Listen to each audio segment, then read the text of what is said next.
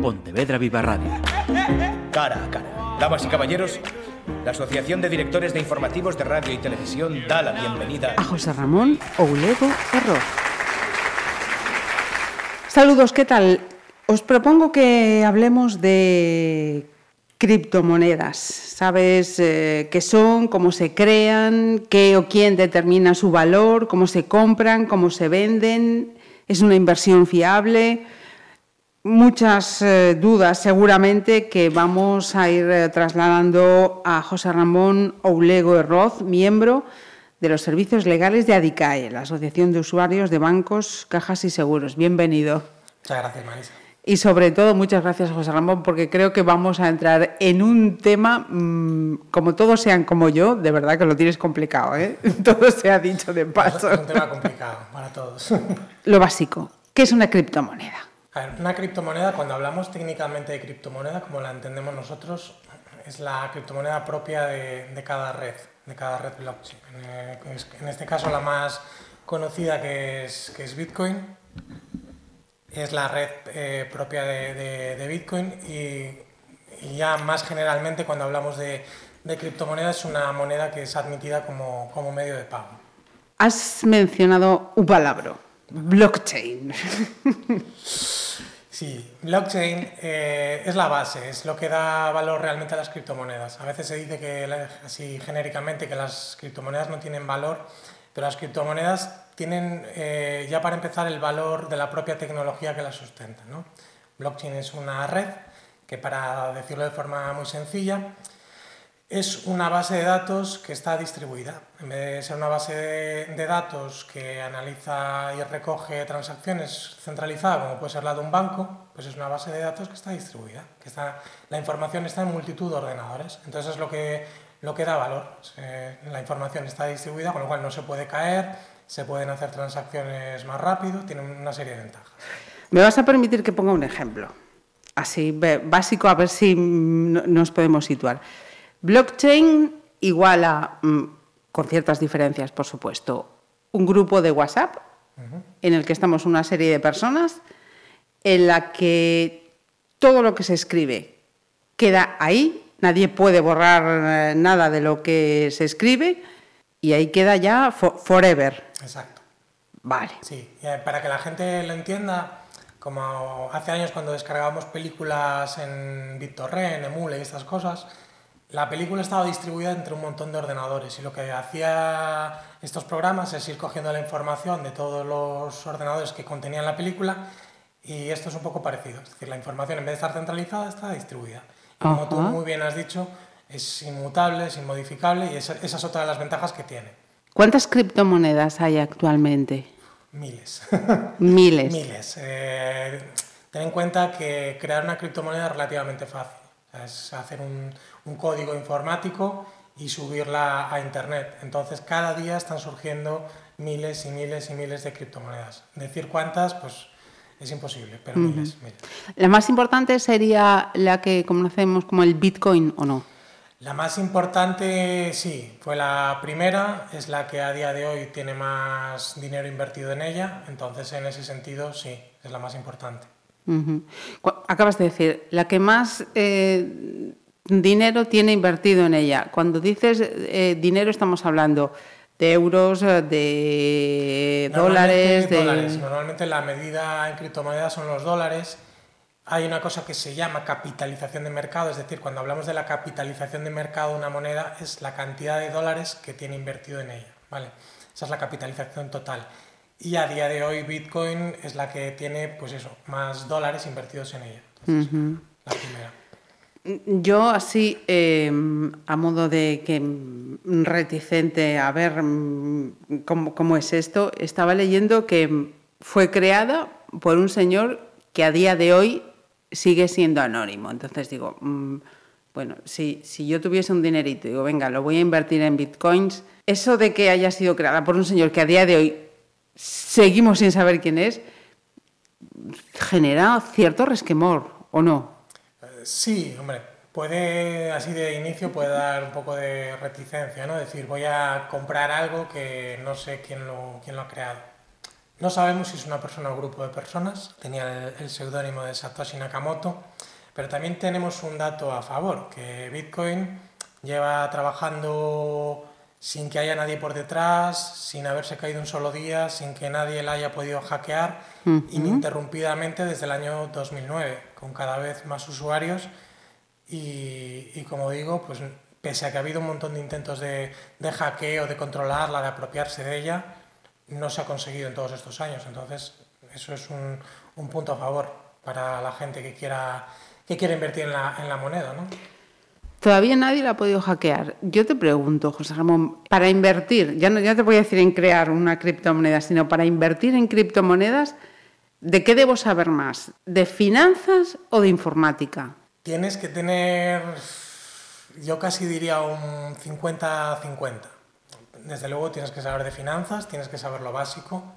Eh, Bitcoin, las criptomonedas en general, tenemos que partir de la base de que no están reguladas. Entonces, eh, al no ser un mercado regulado es un mercado muy volátil.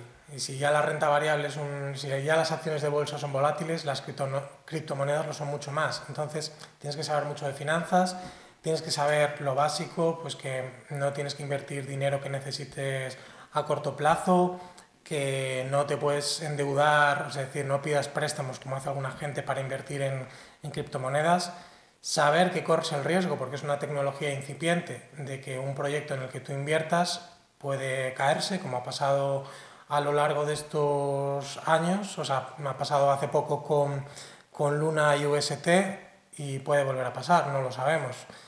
Entonces ahí viene la segunda parte. Tengo que saber de, de tecnología también, porque tengo que saber qué solución trata de dar cada proyecto tecnológicamente hablando, qué es blockchain, qué le da valor a la criptomoneda y con esto pues hacerme una composición del lugar de qué proyectos tienen más o menos riesgo. sabemos que Bitcoin o Ethereum, que es el segundo proyecto más grande, llevan ahí desde que, se, desde que nacieron cada uno de los dos y tienen una capitalización de mercado muy grande y una comunidad muy grande detrás, con lo cual son proyectos mucho más seguros que otros que no tengan estas características. Pero para llegar a esa conclusión, lógicamente, tenemos que saber de la tecnología que hay detrás, estudiar los proyectos y en tanto en cuanto es una inversión, pues saber lógicamente de, inversiones y saber que entrar en criptomonedas eh, no es para cualquier inversor. Yo como miembro de una asociación de consumidores tengo que decirlo, no es aconsejable para un consumidor que tenga aversión al riesgo o que sea un consumidor minorista. Y hay que tener un, un determinado perfil un poco más de inversor. Ajá. O sea, que te sobre una buena cantidad de dinero y digas, bueno, lo pierdo, tampoco me va a pasar nada. Exacto, que, hayas que tengas un colchón de emergencia, que eso jamás se toque. Mm. Y una vez que tengas ese colchón de emergencia, empieces a ahorrar y cuando tengas una cantidad que hayas ahorrado, que sepas que no necesitas a, medio, corto, a corto o medio plazo y que puedes permitirte, entre comillas. El lujo de perder. El lujo de perder, efectivamente, pues entonces ahí es cuando puedes plantearte invertir. Sí, en el mercado vamos a llamarle convencional, ¿no? Eh, hablabas de volatilidad. Bueno, pues en estas circunstancias, eh, lógicamente, la pandemia ha repercutido, eh, la guerra en Ucrania ha repercutido. Sabemos, hasta los que estamos a, mi nivel, qué circunstancias ¿no? pueden generar esas subidas y esas bajadas. Pero en el caso de las criptos, ¿qué es lo que las hace subir y bajar? A ver, como lo hablábamos antes, es un mercado que no está regulado con lo cual eh, no tiene un activo subyacente, por decirlo de alguna manera, aunque sí que lo tiene, porque realmente lo que sustenta una criptomoneda, además de la tecnología, es el equipo que hay detrás, que es algo que la gente tiene que saber, verificar quiénes son los creadores, qué han hecho antes. Eh, hay proyectos pues, con gente que viene de Microsoft, de Google, gente del mundo de las finanzas a también la solución que dan, que esto, que esto da valor. Entonces, en, en, esa medida sí que tienen ese respaldo. Pero al ser un mercado no regulado, al no haber en relación a la bolsa la liquidez que, o sea, aunque cada vez hay mayor liquidez, es decir, me refiero con liquidez a dinero invertido. Es decir, la masa monetaria en criptomonedas es mucho menor que la que, muchísimo menor que la que pueda haber en bolsa. Entonces, ¿eso qué pasa? Pues que los movimientos van a ser siempre mucho más grandes al no estar regulado nadie corta la cotización. Es decir, en bolsa, cuando se baja de un porcentaje de caída eh, diario, se corta la cotización para evitar, para evitar problemas. Esto en las criptomonedas no pasa. Entonces nosotros podemos ver una criptomoneda que por el motivo X, porque hay una ballena, una ballena es un inversor que tiene muchísimo dinero invertido en una criptomoneda, hace una venta grande para, para, coger beneficios, pues eso puede hacer que esa criptomoneda baje un 20 o un 30% en un día. Entonces eso hay que tenerlo en cuenta. Y luego también, después de las criptomonedas han subido mucho eh, en los años de pandemia porque se inyectaron muchos dólares al mercado, hubo mucha más liquidez, la gente invirtió, eso hizo que subiera la bolsa y que subieran las criptomonedas pero también se ha visto con la crisis post-COVID que también le afecta el índice de empresas tecnológicas, que es el Nasdaq. Es decir, el Nasdaq ha bajado y ha tirado para abajo de las criptomonedas. Entonces, pues podríamos ver una que, que hay más correlación de la que pensábamos entre los mercados tradicionales y las criptomonedas por un lado. Y luego, pues que cosas como lo que comenté antes de Luna y UST, que ha, habido, ha desaparecido el proyecto porque bueno, pues porque ha fallado el mecanismo en el que estaba basado y ha perdido su valor, pues esto también puede hacer que haya una fluctuación, fluctuación enorme. Entonces, como vemos, son muchísimos los, desde el, desde el apego que se puede tener al mercado hasta un montón de factores eh, internos y externos son los que pueden hacer que, que, fluctúen las criptomonedas.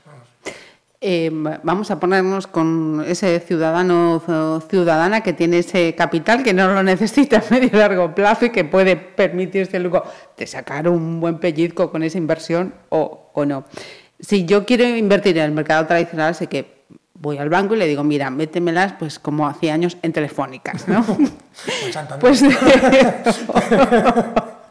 y, pero entonces, en este caso, eh, ¿dónde se va? Es que claro, aquí nos encontramos con ese problema. Es un mercado no regulado, con, lo cual también tampoco tenemos agentes regulados. No tenemos un broker de... Igual que hay un broker regulado, un asesor financiero que trabaja en determinados mercados, que tiene que, tener su titulación y demás, aquí no existe. Entonces, eh, lo que dónde ir es mm, lo mejor que podemos hacer mm, es contactar con alguna persona que tenga mucha experiencia invirtiendo en estos mercados de criptomonedas e intentar mm, guiarnos por lo, por lo que nos pueda decir, porque ya digo, no hay, tú no puedes ir a, a una asesoría y decir, no, pues quiero hablar, el que, me el que el año pasado me recomendó que comprara tal fondo indexado y me ha ido muy bien, quiero que me recomiende qué criptomoneda, claro, eso no lo puedes hacer. Entonces, lo que hay que. Es difícil decir qué es lo que hay que hacer. Si quieres, si quieres también puedo decir lo que no hay que hacer. Lo que no hay que hacer es fiarse de tu cuñado o del típico. ¿Los cuñados? Los cuñados son, no, son, no, son, buenos para casi nada. Pobrecitos, os queremos, os queremos. Para algunas cosas sí. Eh, o del típico youtuber también, que puede estar interesado porque puede tener sus intereses por detrás. Es decir, hay que huir de este tipo de cosas, leer mucho. Sí que es cierto que hay mucha información en Internet, afortunadamente. Si, la, si tenemos un filtro, eh, si vamos a determinadas páginas o determinados... que, que hay, hay buenos divulgadores, igual que hay youtubers que te quieren vender su token porque han invertido en él, también hay muy buenos divulgadores que, que le dicen un poco a la gente por dónde, por dónde tirar. Seguir en las redes sociales a estos divulgadores, a los dueños de proyectos. Em, seguir en las páginas web pues que hacen un seguimiento de, de, los mercados, que las hay muy buenas también. Entonces, un poco con toda esa información, hacernos nuestra propia composición de lugar, tener un poco esa cautela ¿no? que nos decían nuestras abuelas, de nadie da duros a, a, cuatro, a cuatro, pesetas. y con eso ir poquito a poco. O sea, no, si tengo 10.000 euros para invertir, no entra el primer día con los 10.000, no diría ni siquiera con 1.000. Hacer lo que se llama DCA, eh, Dollar Coach Cost Average, que es decir, ir comprando cantidades, la misma cantidad cada X tiempo con independencia del valor del, del, activo, lo que va a hacer que vayas a comprar a veces en precio alto, a veces en precio bajo, pero en, la media pues vas a seguir un, precio medio que al final a la larga va a ir para arriba.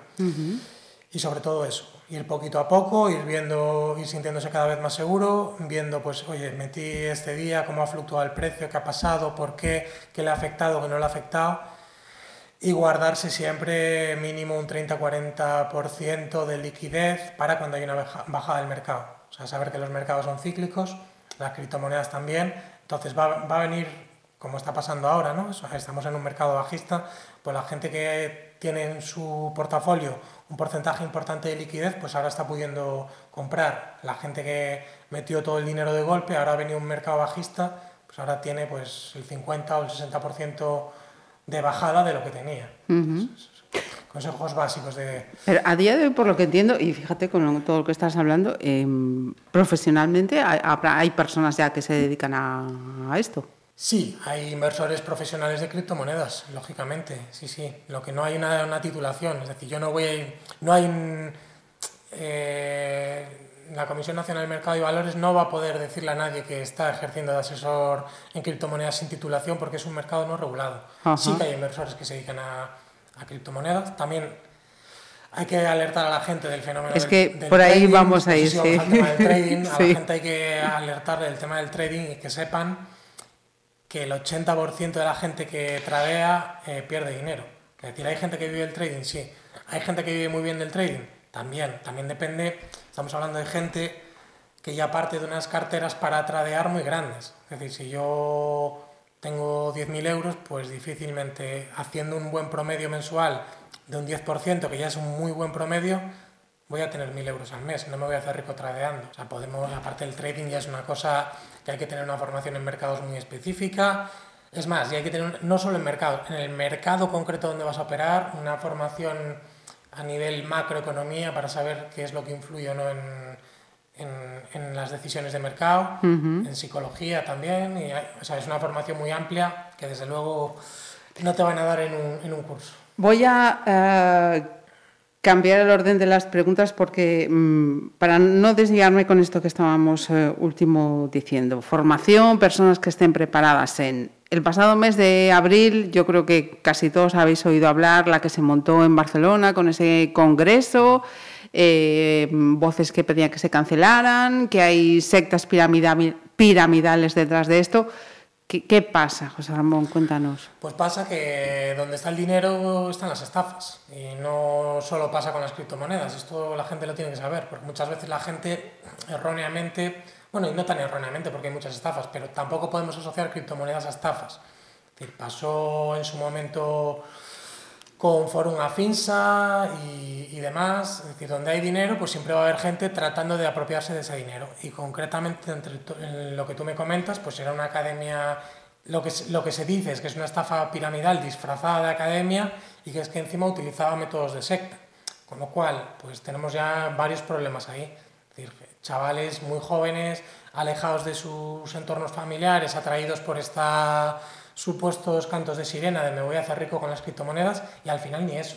Al final es una estafa piramidal que para quien no lo sepa, una estafa piramidal es ah, una estafa que comienza ofreciendo unas rentabilidades muy altas que son ficticias y reales, que no vienen del mercado, sino que lo que vienen es de los nuevos inversores. Es decir, si yo entro el día 1, los rendimientos que a mí me van a dar es, eh, vienen del dinero que metan los inversores que vengan después de mí. Con lo cual, cuando dejen de venir inversores, al final se corta el, flujo. Yo quiero retirar mi capital porque he dejado de percibir esa rentabilidad y los primeros lo podrán hacer. El resto ya no lo podrá hacer porque, porque se corta el grifo y los estafadores se quedan el dinero.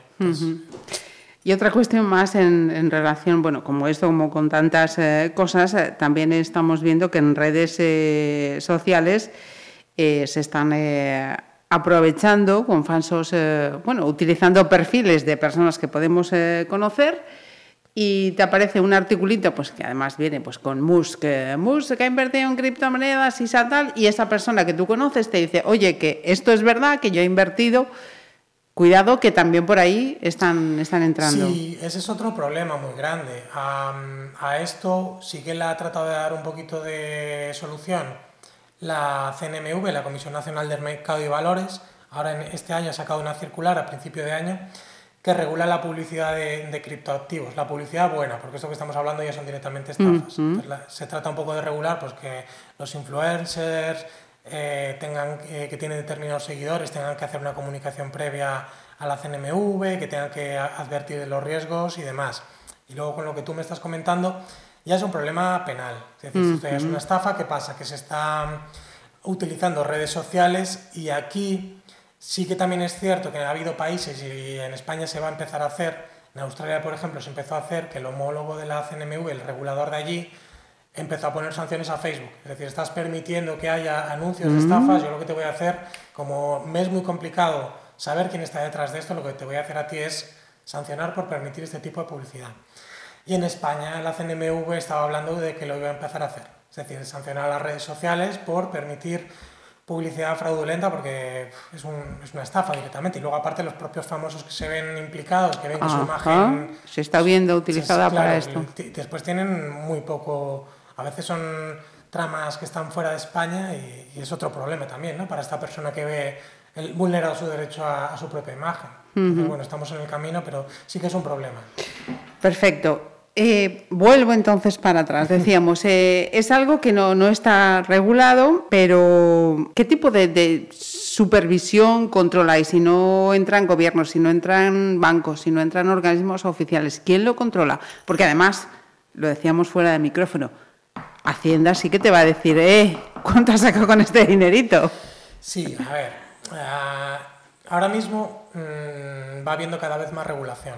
Yo creo que el el regulador español concreto, en nuestro caso, está tirando más por la parte del blanqueo de capitales y, la parte fiscal, es decir, de poder sacar su, tajada de esto cuando podría estar regulando en otro tipo de cosas va un poquito más lento. Porque la parte buena, es decir, todos los proyectos que utilizan las criptomonedas como base para digital, digitalizar las empresas, a hacer nuevos modelos de negocio y demás y que se genere dinero y empleo y tal, se ven también con ese hándicap, es decir, que no tenemos regulación ni para lo bueno ni para lo malo.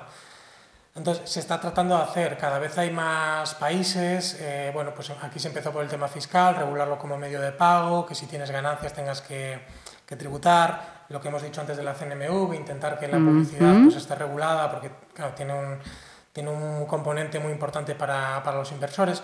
Lo que se está haciendo son muchas advertencias, eh, en vez de tener normas, pues tenemos advertencias de la CNMV diciendo, bueno, pues tened cuidado, eh, los, eh, tienen, que estar, tienen que estar regulados, no regulados, tienen que estar inscritos. Ahora estamos empezando con las casas de cambio. Las casas de cambio que, que operan en España, por ejemplo, tienen que estar inscritas en el Banco de España, tienen que comunicarlo a la CNMV.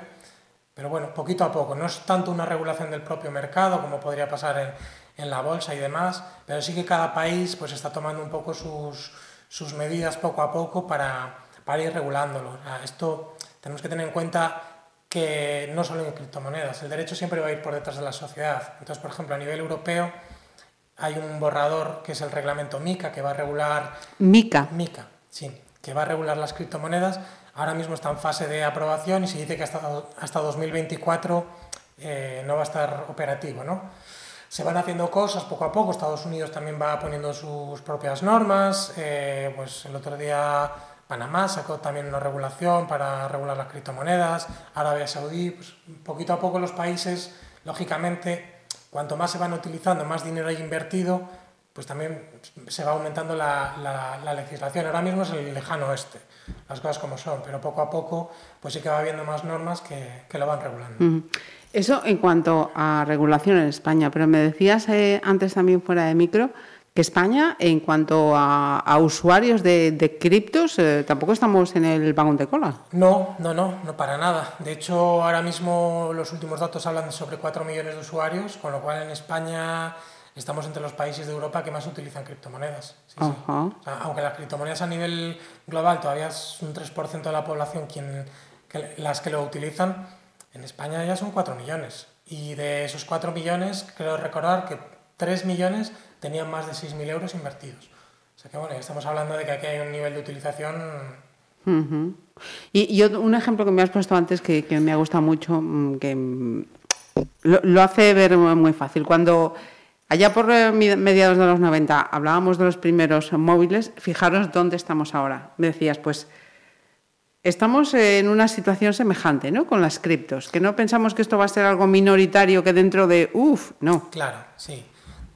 Aquí empezamos hoy el podcast hablando de blockchain, ¿no? Y blockchain realmente es una tecnología muy potente, es una tecnología que va a revolucionar el Internet. De hecho, se habla ya de la Web 3, es una tecnología que va a revolucionar las finanzas.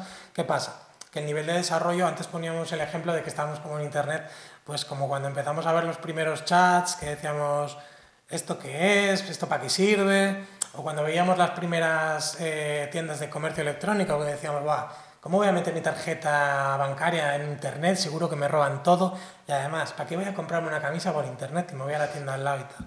Pues ahora mismo es un poco lo mismo. Estamos en ese estadio primero, que vemos todo el potencial que hay, pero igual que en aquel momento no nos imaginábamos en el año 2000, pues un iPhone, ni un Google, ni un Facebook, ahora podemos intuir un poquito que esto va a ser una revolución, pero desde luego lo que comentábamos, en 5 o 10 años pues eh, sí que va a haber mucha más utilización de criptomonedas, muchos más pagos en criptomonedas, eh, los bancos centrales van a sacar su propio euro digital, eh, dólar digital, muchos proyectos se van a capitalizar a través de criptomonedas, la forma en la que entramos en las web a través de un monedero ya digital va a cambiar. Sí, sí, en 5 o 10 años esto va a cambiar bastante. Que vamos a poder ir al súper y pagar en, en criptos. Exactamente. Y, otro término, no, os voy a abrumar eh, mucho más con términos, pero seguro que también, eh, sobre todo los aficionados al fútbol, lo has mencionado, los tokens. Los tokens, ¿nos explicas qué son los tokens? Sí, los tokens, para entendernos en general, son como las fichitas de casino.